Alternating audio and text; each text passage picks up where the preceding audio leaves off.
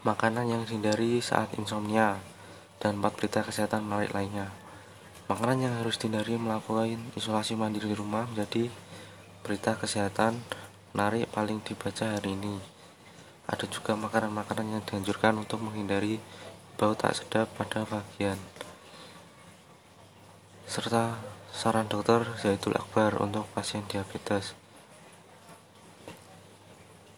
Karantina di rumah, coba hindari asupan saat terinfeksi COVID-19.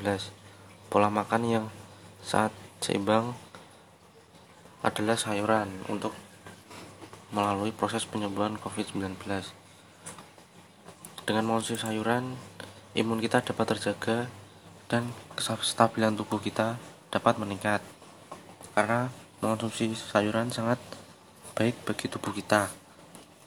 Oleh karena itu, minimal